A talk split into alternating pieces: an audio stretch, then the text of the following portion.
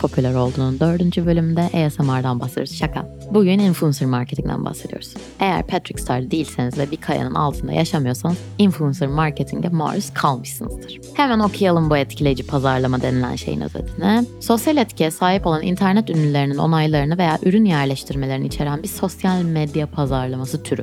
Ben internet ünlüleriyle büyümedim. Benim zamanımda Disney Channel'ın şarkıcı ve oyuncuları vardı. O zamanlar dergi reklamlarındaki ürün yerleştirmeleriyle öğreniyordum çoğu şeyi. Got Milk falan gibi. Şimdi devir değişti. Eskiden yukarı kaydırırken şimdi bağlantıya tıklıyoruz falan filan. Açıkçası benzer ilgi alanlarına sahip olduğum bir influencer'ın bana tüketilecek şey önermesi bana mantıklı geliyor. Kapitalist düzenin acımasızlığının tam ortasındayız. En azından bu bahsettiğimiz durumlar hafiften de eğlenceli. Şaka bir yana, şaka da değildi bu arada. Marksist devrim dileklerine de geçmeden bugün bu influencer marketing neymiş, nasıl popüler olmuş ve popüler olmaya devam etsin miymiş gibi konular konuşacağım. Dinlemek istersen umarım bir noktada seni influence'larım. Influencer marketing sosyal medyanın çıkışıyla ortaya çıkan bir teknik değil. Yani ben şimdi Forbes'un makalesinin yalancısıyım. Çok güzel içerik araştırırım. Modern dönemde 1930'lardan beridir hayatımızda. Daha da geçmişe gidelim. Yüzyıllar öncesine gidelim. Antik Roma'da gladyatörler dahi çeşitli ürünlerin destekçisi oluyorlarmış. Yani burada Britney'nin şey işte Pepsi reklamından bahsetmiyorum bu arada.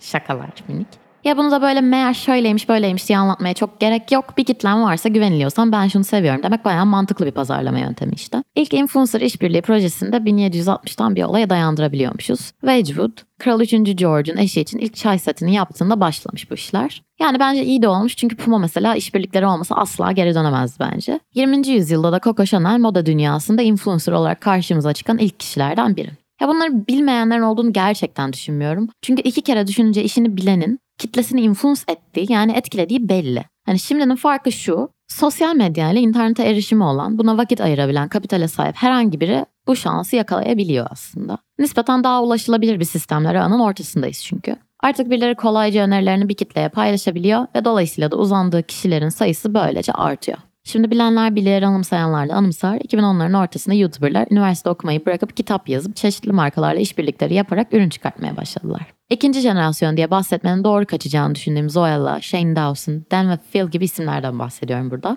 Mesela Zoella, Birleşik Krallığın gratisi diyebileceğimiz Boots'la acayip cirolar yapan ürünler satmaya başlamıştı ve vloglar aracılığıyla içerik üreticilerin influencing alanını da geliştirmişti.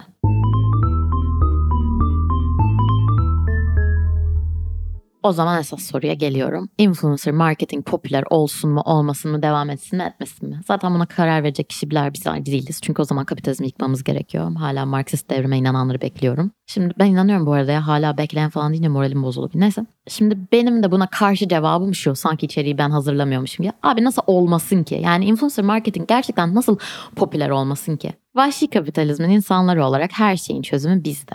Şimdilerde zaten Clean Girl estetik bölümünde bahsettiğim gibi çok gurur duyuyorum o bölümle. Acayip steril içerik tipleri çok yaygın. Her işin içine kurgu, sosyal medya kreasyonu falan girince bu çok da şaşılacak bir şey değil. İşte o üreticilikte, bilinçlilik de bize düşüyor deniyor. Ve o yüzden de Web2 kaosunda kimi takip edeceğin de bayağı önem kazanıyor. Şimdi influencerların derdi de bana gelen her ürünü direkt tanıtmıyorum demek. Ya bu tabii eskiden her şeyin kurumların elinde olduğu zamanlardaki gibi hafif kumar gibi bir şey. Önüne düşen içerik okyanusunda kime güveneceğini seçmek zor. Seçtikten sonra da durmadan bir sorgulama hali gerekiyor. O yüzden zaman geçtikçe reklam yazan hashtagleri de daha fazla görmeye başlıyoruz. Ya ben mesela Cansu Akın'ı seviyorum. Hashtagleri bol, durmadan link veren biri değil. Kendi çerçevesi var. Önerilerini kendi diliyle paylaşıyor. Yani ben bu işin yaptığım editörlükten çok farklı olduğunu düşünmüyorum. Emma Chamberlain mesela son dönem YouTuber jenerasyonun kraliçesi diyebiliriz bence. Aldı başını gitti. E peki nasıl? E, sümüğünden bahsetti. Kaotik hayatını tam yansıttı. E, bunun da bir kafa kızık eleştirisi gelebilir elbette. E, hepsi proje deyip de geçebiliriz de ne değil ki şu dünyamızda. Ya Sude Belkıs mesela alıyor içeriği kendi tükettikleriyle birleştiriyor. Seramiği de orada, profesyonel işleri de, 2000'lerde özledikleri de. Link koysa gider bakarım, influence'lasın, teşekkür ederim. Öyle bir noktadayım açıkçası. E, sevgili dostumuz Zeynep Çipa ile yaptığımız bir Ankız insanları bölümü de vardı zamanında. O demişti tüketmediğim story'me koymam diye. Ya ben bunun